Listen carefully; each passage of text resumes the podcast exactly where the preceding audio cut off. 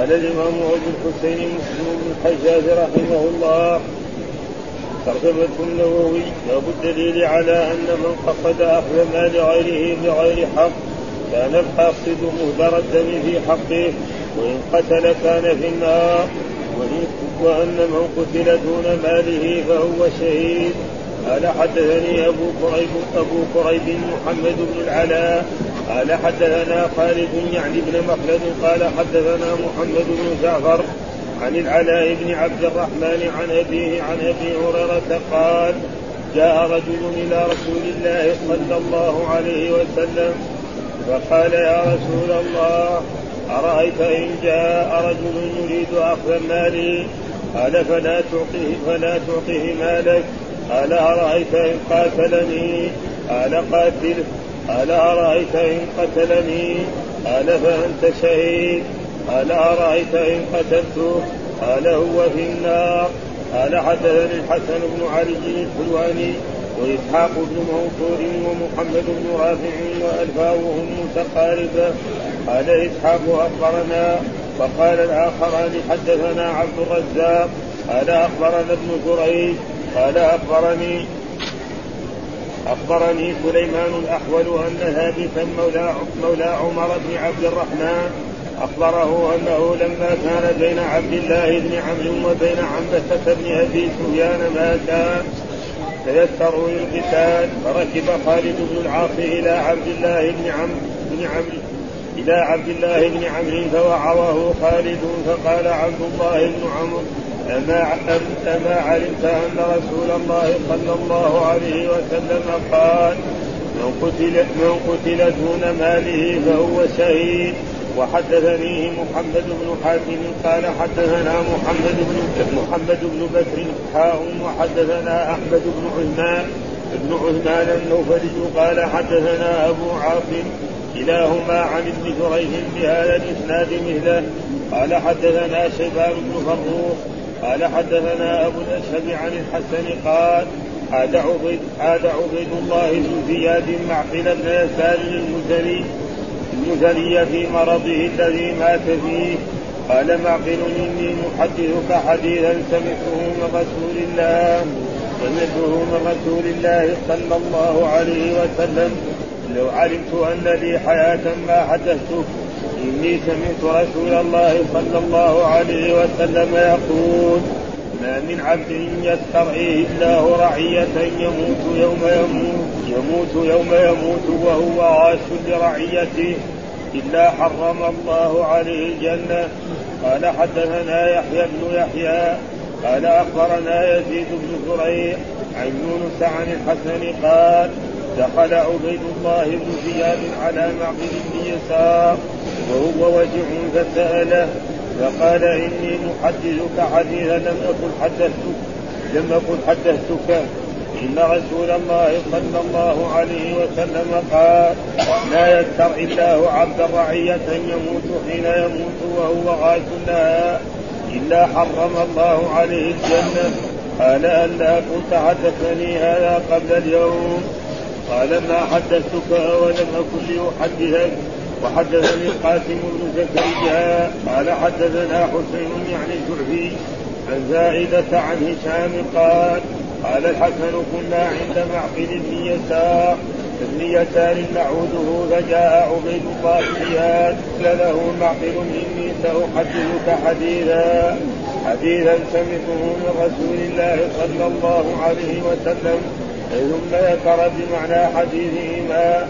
وقال حدثنا أبو غسان المسمعي ومحمد بن المثنى وإسحاق بن إبراهيم. قال إسحاق أخبرنا وقال الآخران حدثنا معاذ بن هشام. قال حدثني أبي عن قتادة عن أبي المليح أن عبيد الله بن زياد عاد معقل بن يسار في مرضه فقال له معقل إني محدثك بحديث لولا أني في الموت لم احدثك به. سمعت رسول الله صلى الله عليه وسلم يقول ما من أمير يلي أمر المسلمين ثم يموت لا يجهد لهم وينصح إلا لم يدخل معهم الجنة. إيش هذه عباره؟ ما من أمير ما من ما من أمير يلي أمر المسلمين ثم لا يشهد له إيه طيب ما من أمير يلي أمر المسلمين ثم لا يشهد لهم وينصح إلا لم يدخل معهم الجنة. يعني ما في بس يكفي يموت عندك؟ ما في حدثنا أبو بكر بن أبي شيبة قال حدثنا أبو معاوية وهو في وحدثنا أبو ربيع قال حدثنا أبو معاوية عن الأعمش عن زيد بن حذيفه قال حدثنا رسول الله صلى الله عليه وسلم حديثين. قد رأيت أحدهما وأنا أنتظر الآخر. قال حدثنا أن الأمانة نزلت في جذر قلوب الرجال. ثم نزل القرآن فعلموا من القرآن وعلموا من السنة. ثم حدثنا عن رفع الأمانة قال ينام الرجل النوم. فتقبض الأمانة من قلبه فيظل اثرها مثل الوقت ثم ينام النومة فتقبض الأمانة من قلبه فيظل أثرها مثل البجل كجبل دحرجته على رجلك فنفق فتراه منتبرا وليس فيه شيء. ثم أخذ حصا فدحرجه على رجله فيصبح الناس يتتابعون. لا يكاد أحد يؤدي الأمانة حتى يقال إن في بني فلان إن في بني فلان رجلا أمينا. حتى يقال للرجل ما أجلده ما أجلده ما أورثه ما أعقله وما في قلبه مثقال حبة من خردل من إيمان. ولقد أتى علي زمان وما أبالي أيكم بايع لئن كان مسلما ليردنه على ديني. علي.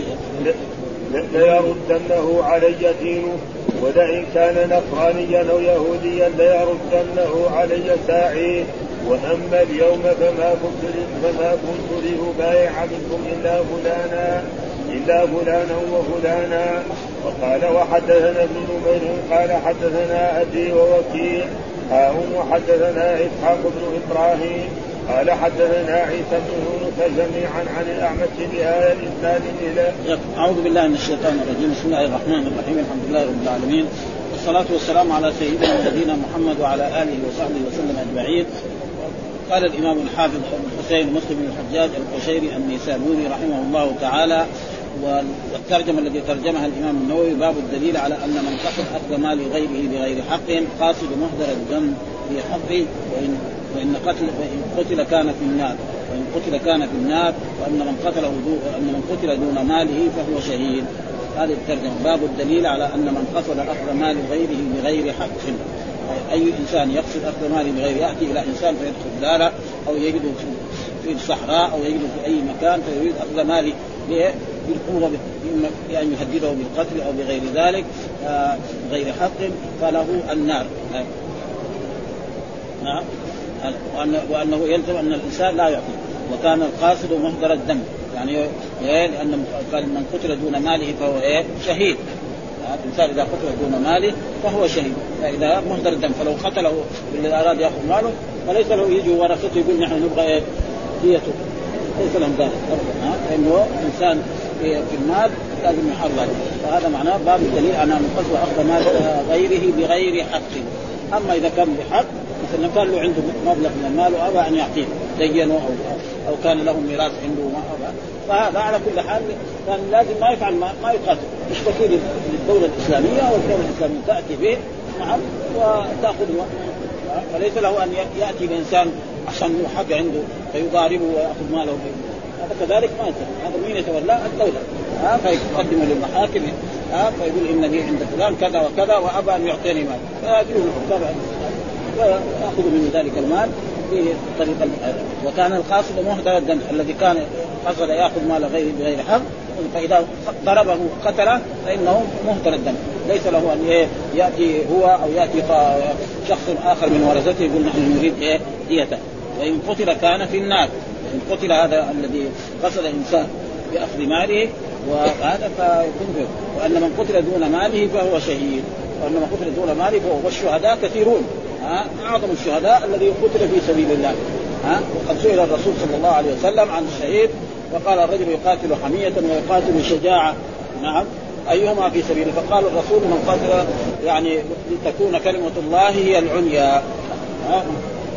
لتكون كلمة الله هي هذا هو الشيء، وأما من قتل للوطن أو للعصبية أو لغير ذلك فهو ليس إيه مسلم. وان من قتل دون ماله فهو شيء، طيب إيش الدليل على ذلك؟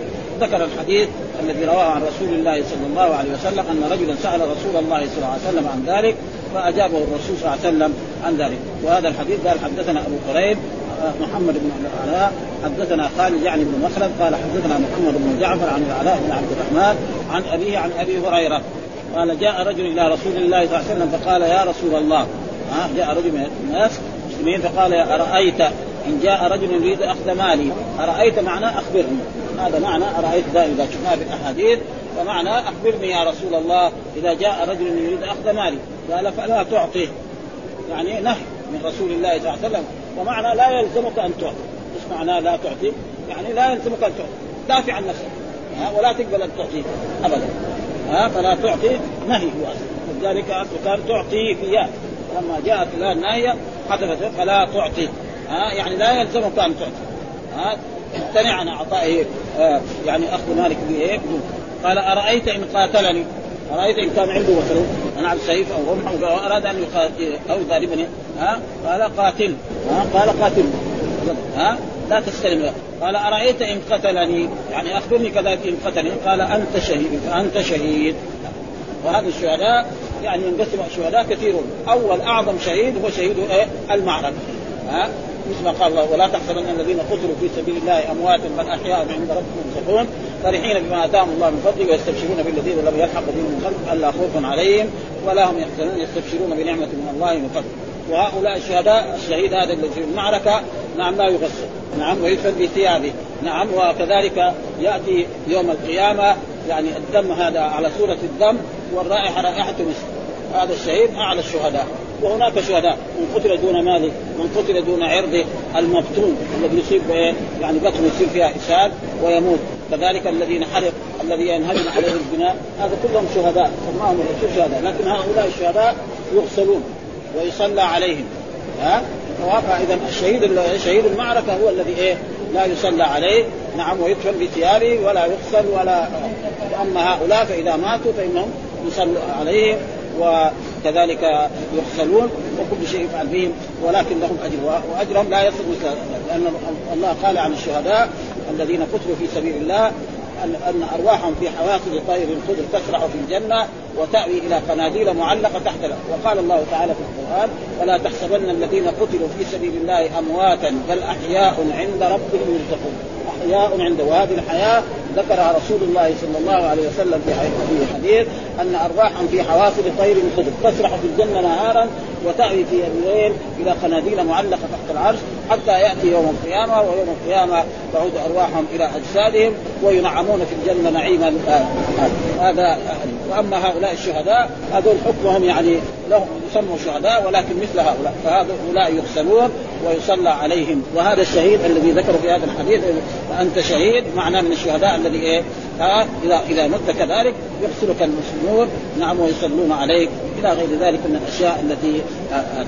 قال أرأيت قال فانت شهيد. قال أرأيت إن قتلت؟ قال هو في النار. وهذا محل الشاهد. ها؟ هو في النار. ها؟ متى يكون في النار؟ طيب يخلد في النار؟ الجواب إن كان يستحل قتل المسلمين وأخذ مالهم بدون حق هذا يصير كافر. وإذا كان لا طمع الدنيا.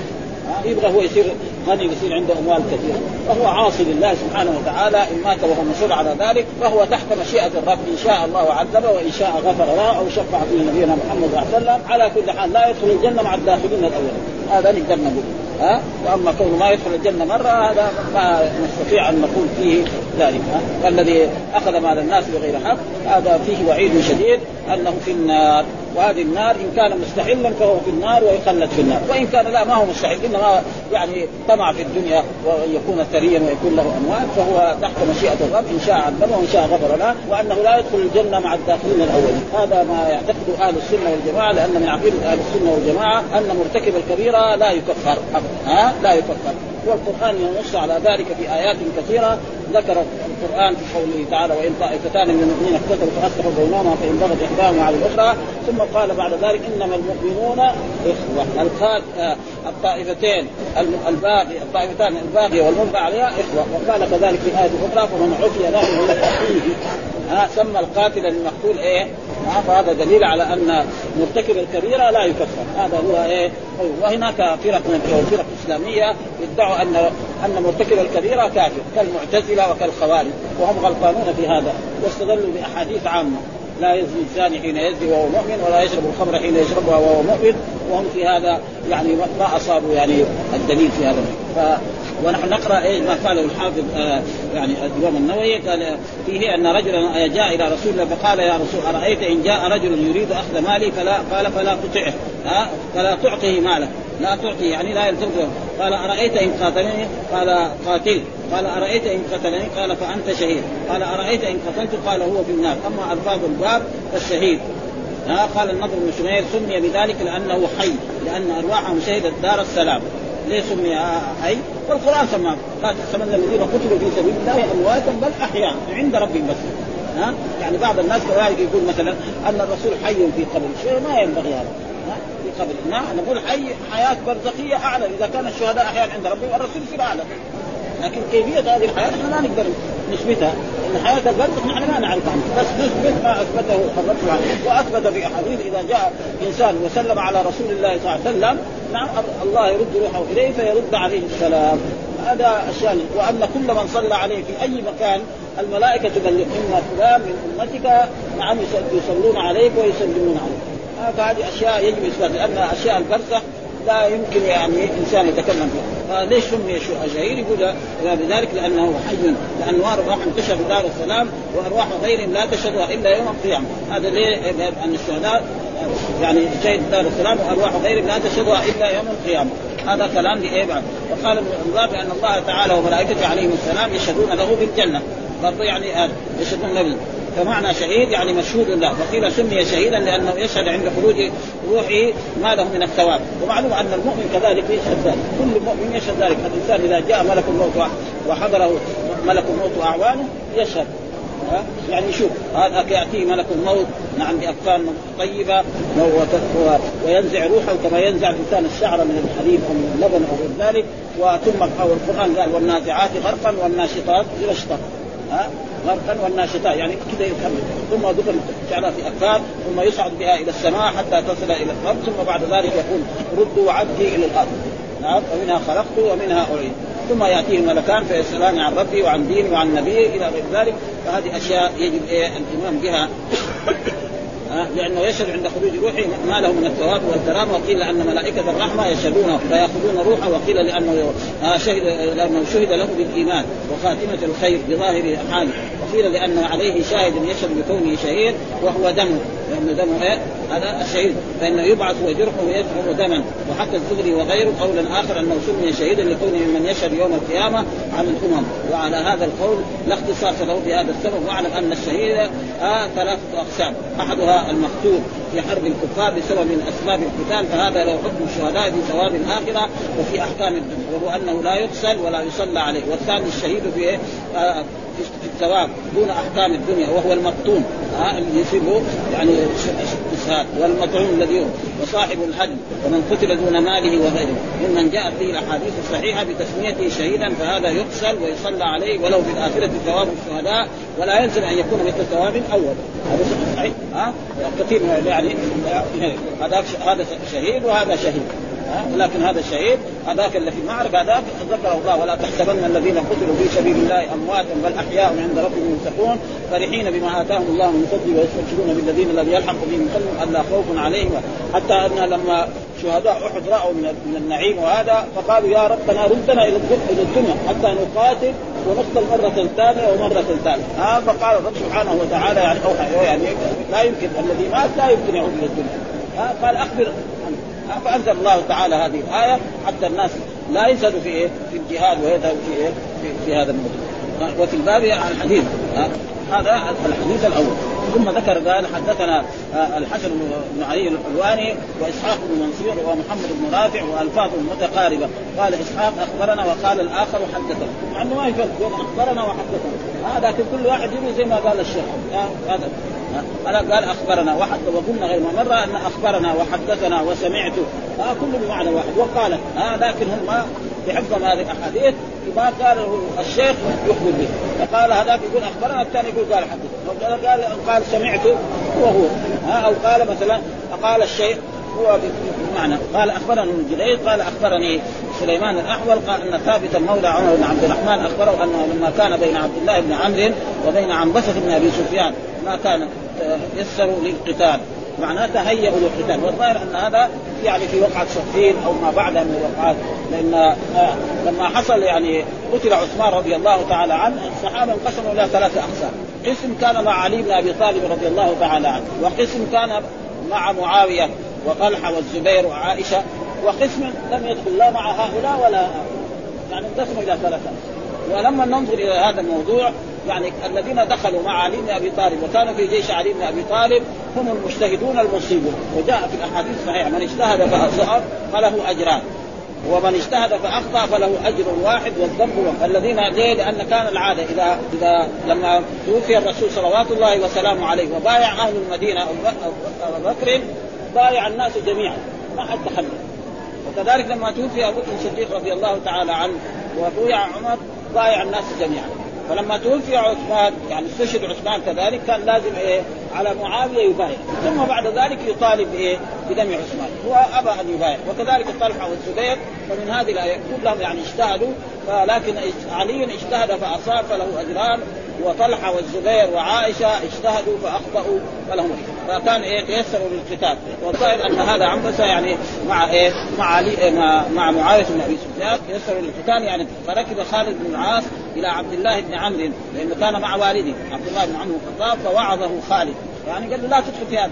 هذول هؤلاء مسلمون وهؤلاء مسلمون. يتقاتل لأن الجيش الذي مع, علي مسلم. والجيش اللي مع طلحة والزبير مسلم. والجيش اللي مع مسلم. يتقاتلوا بالسيف خطير يعني. ووعظ فبعض الناس خبيث. والبعض لا. وكلهم يعني إن شاء الله نرجو لهم أن الله يقول ويكفي بذلك ما ثبت عن علي بن أبي طالب رضي الله تعالى عنه. قال أرجو أن أكون أنا وطلحة والزبير ممن قال الله تعالى فيهم ونزعنا ما في صدورهم من غل إخوانا على سرر متقابلين. كذا يا وأهل الفضل يعرف أهل الفضل. يقول يرجو أن يكون إيه؟ ممن قال الله تعالى فيهم. هذه الآية ونزعنا ما في لأنهم تقاتلوا فلذلك هذا ونحن إذا مررنا في التاريخ كمان على مسائل هذه اللي حصلت يعني نقول إيه؟ ما ندخل ونقول هذا أصاب وهذا أخطأ وهذا كذا. فإذا كنا نحن عندنا نيل يعني في شفاعة رسول الله صلى الله عليه وسلم. فإذا الرسول يشفع فينا نحن. عندنا أمر كبير أن الله يشفع الرسول يشفع فينا. فإذا شفع فينا نحن في القرن الخامس عشر فأصحاب الذي حصل منهم بعض الغلطات من باب أولى وأحرى أن يشفع. ويزول هذه الأشياء كلها وإن شاء الله يدخل الجنة. ولا نقول أخطأ. زي ما في كتب الحديث يقول لك مثلا يعني شفنا بعض كتب حديثه يقول لك مساوي عمر بن الخطاب. كذا بهذه العبارة. مساوي. مثلا يقول ما أخذه التاريخ على عمر. مساوي يعني ما يصير. ما, ما هو أدب يعني. كذا فيها مثلا طه حسين يعني كتبه اللي الفها معنى خربانة يعني. يقول هو ليس لا علوي ولا عثماني. يبين إيه؟ ما ثبت عنده في التاريخ. كذا ويطعن في ذا ويطعن في ذا. ليه؟ لأنه يعني ما ما ينبغي هذا. فهذه الأشياء إذا مررنا عليها في الصحابة نخرج كل سليم ولا نخطي هذا ولا نخطي هذا. ونرجو أن الله يعفو عنه مما حصل. ومحل الشاهد هو أن هذا فركب خالد بن العاص إلى عبد الله بن فوعظه خالد فقال عبد الله أما علمت أن رسول الله قال من قتل دون ماله؟ ها فهو شهيد. يعني هذا محل ها إنه إيه يعني إنه يعني هم قاتلونا ونحن نبغى ندفع عن أموالهم. يعني استدل بهذا. على كل حال يعني كان الذين دخلوا مثل عبد الله بن عمرو بن الخطاب. هذا ما دخل لا مع هؤلاء ولا مع هؤلاء. وحدثني محمد بن حاتم قال حدثنا محمد بن بكر قال أحول الاسلام قال حدثني أحمد بن عثمان النوم وحدثنا أبو عاصم كلاهما عن بهذا الإسناد مثله. هو محل الشاهد أن الإنسان إذا يعني تعدى على إنسان بأن أراد أخذ ماله فإن الرسول صلى الله عليه وسلم أمر الا تعطيه مالك ابدا ها؟ ولا يلزمك إعطاه ماله وإن قتلته يعني فهو في النار وإن قتلك فأنت شهيد فإذا فهم هذا فيه وعيد شديد لمن يفعل مثل هذه الأشياء. فمعنى تيسر القتال تأهبوا وقوله فركب كذا طبقناه في بعض الأصول وركب بالواو وفي بعضها ركب من غير فاء ولا واو سواء قد تقدم أن التصريح في العاصي إثبات الياء لأنه منقوص. ها العاصي زي القاضي. فإذا كان مرفوع يكون ضمه مقدره على الياء وإذا كان منصوب يعني تظهر الفتح. نقول رأيت إيه؟ الداعية. وجاء الداعي ومررت بالداعي. هذا يرى. وبعضهم يقول لا انه يعني ما في إيه؟ يعني منقوص. والمنقوص ينسب بفتحه ظاهرة في اللغة العربية في النحو. وهو بفتح التاء ما علمت والله أعلم. وأما أحكام الباب ففيه جواز قتل القاتل لأخذ المال بغير حق. يعني يجوز لنا أن نقتل الذي يقصد يأخذ مالك بغير حق لك أن تقاتله آه سواء كان المال آه سواء كان المال قليلا أو كثيرا لعموم هذا الحديث وهو قول الجماهير من العلماء. وقال بعض أصحاب لا يجوز قتل إذا طلب شيئا يسيرا كالثوب والطعام. ها والظاهر ما قاله الجمهور هو الصحيح وهذا ليس بشيء فيها. والصواب ما قاله الجماهير وأما المدافع عن آه، عن الحريم فواجبة بلا خلاف. فإذا أراد مثلا يأخذ زوجته أو يزني بها أو بنته فهذا يقاتل بكل ما يستطيع ولا يمكنه من أي شيء. لو أراد يقتلها ما يخليه أن يزني بها. وفي المدافعة عن نفس الخلاف في مذهبنا ومذهب غيرنا أو المدافعة عن المال جائزة غير واجبة والله أعلم. وأما فلا تعطي فمعناه لا يلزمك أن تعطيه أن تعطيه أن تعطيه وليس المراد تحريم والعطاء. يعني فلا تعطيه إلى نهي لكن المراد بالنهي إيه؟ يعني لا لا يلزم أن تعطيه هذا ما يعني لا تعطيه فيصير يعني لا يلزم دافع عن نفسه معه ما ثم ذكر هذا الحديث. وهنا إيش وأما قول صلى الله عليه وسلم الصائل إذا قتل فهو في النار فمعناه أنه يستحق ذلك. ما نقدر نحكم عليه إنه في النار وأنه يخلد لأنه هذه عقيدة أهل السنة والجماعة. أن مرتكب الكبيرة لا يخلد مر علينا أحاديث سيخرج من النار من كان في قلبه مثقال ذرة من إيمان. فهذا واذا كان مستحيل يقول لا. هذا زي زي يعني قتل الحشرات. هذا يصير واما إذا كان لغرض من اغراض الدنيا فهو تحت مشيئة الرب ان شاء عذبه وان شاء غفر له أو نال شفاعة. ثم ذكر باب استحقاق الوالي الغاش لرعيته. الوالي فالوالي يشمل فيه الملك ها والحاكم والوزير والقاضي وأمثال ذلك. هذا هو هذا الوالي الذي يلي أمور المسلمين. فأول درجة الملك ها والسلطان. نعم ورؤساء الجمهوريات الآن في عصرنا هذا والملوك. ورؤساء الوزراء كلهم داخلين في ذلك. فهذا باب المال لرعيته إيه؟ أنه يعني أنه لا يدخل الجنة. وكذلك لا يدخل الجنة معناه إيه؟ معناه لا يدخل الجنة مع الداخلين الأولين. ها؟ قد يعذب على قدر هذه الذنوب التي ارتكبها وغش رعيته وبعد ذلك بعد ما يعذب يعني يدخل الجنة في آخر لحظه بعد ما يؤخذ الناس. لأن كل واحد غشه وهذا بده يطالبه. وهذا يطالب وهذا يطالب ولذلك جاء في أحاديث مرت علينا إن فقراء المسلمين يدخلون قبل قبل أن يعني نصف يوم. نصف يوم معنى 500 سنة. وإن يوما عند ربك ألف سنة مما تعدون فالفقراء يحاسبوا على توحيده وعلى صلاته وعلى صيامه ما عنده مال. هذاك لا عنده فلوس أموال عنده ملايين دحين في عصرنا هذا. سيسال كل كل قرش وكل ريال من فين من أين اكتسبته وفيما انفق قبل ما يسأل هذه الأسئلة ويحاسب عليها هذا يتنعم في الجنة مدة من الزمن. والمال يعني إذا كان وسيلة ممدوح لا يكون غاية. ها؟ ليس معنى يعني واحد ما يسعى في المال. معاشه مصلحته الدنيوية. يعني يأكل ويشرب وينفق على أولاده وعلى أهله. ما في شيء. بس بشيء بطريق إيه؟ شريف. طريق إيه؟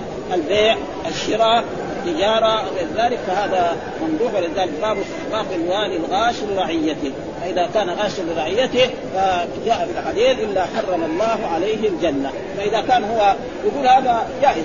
زي ما نحن نذبح الشياه والأغنام. فهذا يكون مختلف فاذا كان لا لغرض لغرض من أغراض الدنيا هذا قريبه وهذا قريبه أو يأخذ أموال الناس بغير حق ويغشهم بها فهذا هو تحت مشيئه الرب. ربنا إن شاء عذبه وإن شاء غفر له أو نال شفاعة من رسول الله صلى الله عليه وسلم أو غيره. وفي الوعظ والإرشاد في كتب الجمعة وفي غير ذلك تترك هذه الأحاديث على ظاهرها ها ونحن في بسويدنا كطلبة علم لازم نبين هذا. ها وإلا في الوعظ والإرشاد يشرك هذه الأحاديث هكذا. مثلا خطيب يعني يخطب في الجمعة عن الخمر. نعم.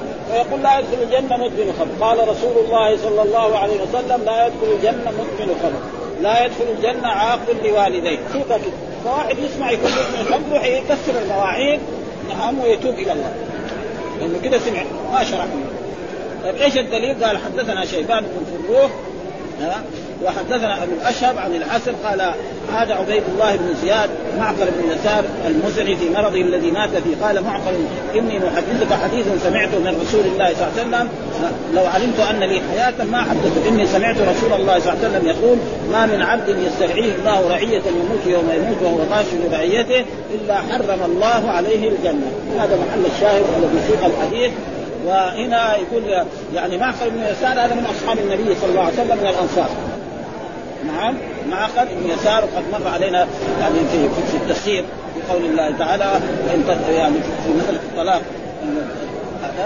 في مرضه الذي مات فيه. وكان معقل قال معقل إني محدثه. ليه عبد الله بن زياد هذا من الحكام الظلمة في عهد الدولة الأموية؟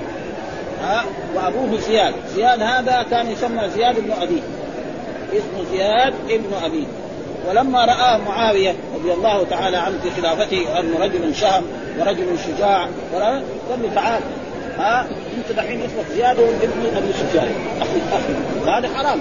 لا يجوز الإنسان أن ينتسب إلى إيه؟ إلى غير أحد. لأنه هذا رأس معروف معاوية. رجل يريد الملك. وولاه على العراق. وكان رجلا ظالما فاسقا يرتكب فواحش كثيرة حتى أنه مره من المرات الاب صلى صلاة الفجر أربع ركعات. لأنه سكران. ولما غلق من السلام قال أزيدكم؟ قالوا نحن ما زلنا في زيادة أربع ركعات الفجر مع أنه سكران خرج هذا ومعلوم أن الخلفاء والأمار هم كانوا يصلوا ولده كمان زيه ها لأنه تربى في النعمة هذه وسأل. فبعد ذلك بعد ما توفي هو كذلك جاء ابنه عبد الله بن زياد هذا يعني وهو بعد ذلك صار إيه؟ يعني الله بن زياد. ها والا هو كان اصله زياد بن أبي الأب.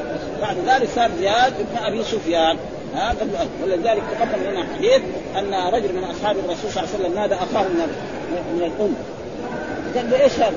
أخوك كذا يعني يعرف أن سفيان هو والده وينتسب إليه. كيف يقبل هذا؟ ها الإنسان ما ينتسب إلا إلى أبيه. فقال له هذا. فمعقل بن أراد أن يبلغه هذا العلم.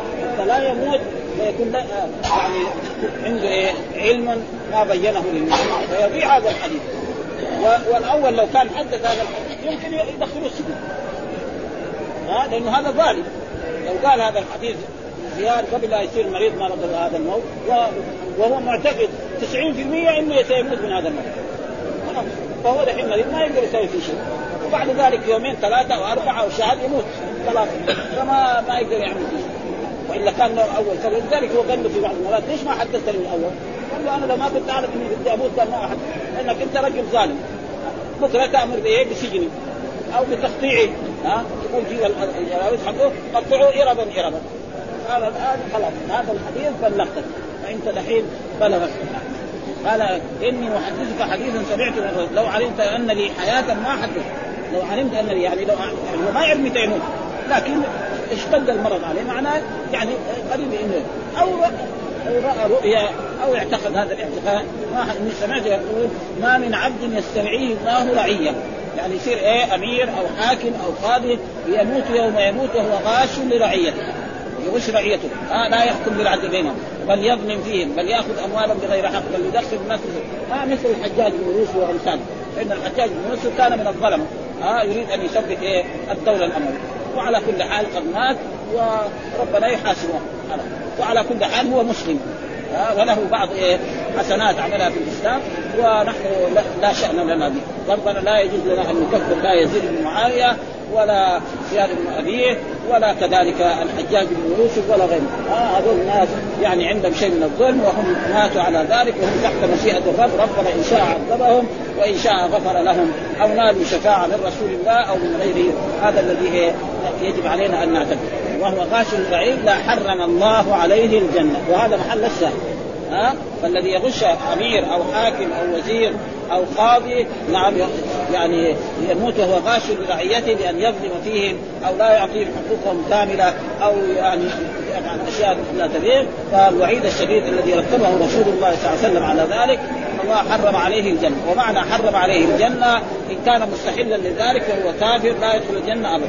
وإن كان لغرض من أغراض الدنيا فهو تحت مشيئة الرب أو لا يدخل الجنة مع الداخلين الأول يعذب على قدر ذنوبه هذا ثم بعد ذلك يدخل الجنة إن شاء الله سبحانه وتعالى. وقوله صلى الله عليه وسلم ما من عبد يسترعيه الله رعية يموت يوم يموت وهو غاش رعيته. نعم إلا حرم الله عليه الجنة. وفي الرواية الأخرى ما من أمير يلي أمر المسلمين. وهو كان أمير لا يجهد لهم وينصح لهم. يعني لا يبذل جهده وينصح إلا لم يدخل معهم الجنة. لا يدخل معهم الجنة. ومعنى المعية لا تلزم يعني اقتران دائما نحن بعض الناس يظن أن المعية تختلف ها؟ مثلا واحد يقول اللهم احشرني مع النبيين. ها؟ مع النبيين. ها؟ إن الله مع الذين اتقوا والذين هم محسنون. المعية لا تقتضي إيه؟ الاشتراك مثلا يوم القيامة الجنة درجات وطوابع يعني ثمانية درجات جاء في الأحاديث الصحيحة عن رسول الله. فإذا قال رب احشرني لا يمكن يكون مع الرسول هو يكون في جنة على قدر أعماله الصالحة والرسول في إيه؟ ولذلك واحد سمع ولده يقول اللهم إني أسألك الجنة. نعم على يمين الباب كذا وكذا. هذا إيه؟ هذا من الإيه؟ يعني من التعدي في الدعاء. أنت تقول اللهم أسألك الجنة بس. أو أسألك جنة الفردوس أو جنة عدن. اما كذا الجنة التي سويتها كذا وكذا وكذا هذا من التعدي في الدعاء. فالإنسان لا ومعيه لا تقتضي آه، يعني يعني الاشتراك في كل شيء. فالانبياء لهم مقام والأولياء لهم مقام والصحابة لهم مقام وكل واحد له مقام. فنحن نسأل الجنة عموم من حيث هي وهذا قال أما فقه الحديث فقوله صلى الله عليه وسلم حرم الله عليه الجنة ففيه تأويلان. المتقدمان في نظائره أحدهما أنه محمول على المستحيل. الذي يستحيل قتل الناس وغش الرعية هذا والثاني حرم عليه دخولها مع الفائزين السابقين. الفائزين السابقين ما يلزم. ومعنى التحريم هنا الماء قال القاضي عياض رحمه معناه آه، بين في التحذير من غش المسلمين لمن قلده الله تعالى شيئا من أمرهم أو أو استرعاه عليهم ونصبه لمصلحتهم في دينهم أو دنياهم. فإذا خان فيما اؤتمن عليه فلم ينصح فيما قلده. آه، إما بتضييعه تعريفهم ما يلزمهم من دينهم وأخذهم به وإما القيام بما يتعين عليه من حفظ شرائعهم. والذب عنها لكل منتصد ها لإدخال لإدخال داخلة فيها أو تحريف لمعانيها أو إهمال أو إهمال حدودهم أو تضييع حقوقهم أو ترك حماية حوزتهم ومحادات عدوهم أو ترك سيرة العدل فيهم ها فقد غشهم. أي واحد يفعل هذه الأشياء فيسمى غش للرعية. وذكر من ذلك يعني ما إيه يعني يعني استرعوا ونسبوا لمصلحتهم في دينهم أو دنياهم. فإذا خان فيما اؤتمن عليه فلم ينصح فيما قلده إما بتضعيف تعريفهم ما يلزمهم من دينهم. آه يعلمهم إيه؟ ما يلزم من الدين وأخذهم به. وإما بالقيام. مثلا ما يصلون لازم يأمر بالمعروف وينهى عن المنكر ما يتعلم من حفظ شرائعهم. يعني يحفظ عليهم الشرائع. الزاني مثلا يجلد أو أو يرجم. القاتل يقتل. وهكذا لازم إيه؟ والذنب كل ادخال إما بتحريف لمعانيها أو إهمال حدودهم. فواحد مثلا يرتكب ذنب لا يحد ولا يحد أو تضييع حقوقهم أو ترك حماية حوزتهم ومحادات عدوهم أو ترك سيرة العدل فيهم. فقد غشهم قال قال وقد نبه صلى الله عليه وسلم على أن ذلك من الكبائر الموبقة المبعدة عن الجنة. والله أعلم. وأما قول معقل بن يسار لعبيد الله بن زياد لو علمت أن لي حياه ما حدثت. وفي الرواية الأخرى لو أني لولا أني في الموت لم أحدث. ليه؟ لأنه يعرف أن هذا حاكم ظالم وأمير ظالم قد يضربه وقد يقتله وقد يدخله في السجن ويرميه ولا يسأل عنه ويموت هناك ما قال. إنما فعل هذا لأنه علم قبل هذا أنه ممن لا ينفعه الوعظ. لأن هذا رجل من المستحقرين من الحكام كوالده. ها؟ مع غير ثم خاف معقل. خاف معقل من الحديث ورأى تبليغه أو فعل أو فعل لأنه خاف لو ذكر لو ذكره في حياته لما يهيج عليه. هذا الحديث. يعني لو قال له أول لما كان هو صحيح يقول دخلوه السجن. أو يضربوه أو يقتلوه. إيش الفائدة؟ أما الحين خلاص بلغ. بلغ. وهو يعني من الظلماء الذين يعني لم ينصحوا مع مع ريتهم وهذا هو الواجب. ولذلك جاء في احاديث برضه الرسول صلى الله عليه وسلم لما قال لمعاذ ما حق الله عباد وحق العباد على الله. قال حق العباد على الله أن يعبدوه ولا يشركوا. وحق العباد ان لا يعبدوا ها؟ فقال أفلا أبشر يا رسول الله؟ قال لا تبشر الناس فيتكل فسكت معاذ حتى عند موته. فبلغ هذا الحديث. يخاف بكرة يموت ويضيع هذا الحديث. فيصير من كتم علما الجمه الله في لجان منا. ولذلك على على المدرسين وعلى العلماء وعلى طلبة العلم أن يحدثوا الناس بما يفهمون. ها؟ ويجب على العالم كذلك يعني في صحيح البخاري كونوا ربانيين بما كنتم تعلمون الكتاب وبما إيش الرباني العالم؟ قال الذي يربي بصغار العلم قبل الكبار يعني مثلا مدرس يدرس في الابتدائي يدرسهم على قد مستواه. يدرس في المتوسط يقدر على وفي الثانوي في الجامعة على قد مستواه. أما مثلا يكون هو عنده معلومات كثيرة. يقول يشرح شرح زايد الطلبة ما يفهم إيش بعد ذلك ما يستفيد شيء فلازم هو ينزل من مستواه العالي إلى إيه؟ مستوى الطلاب.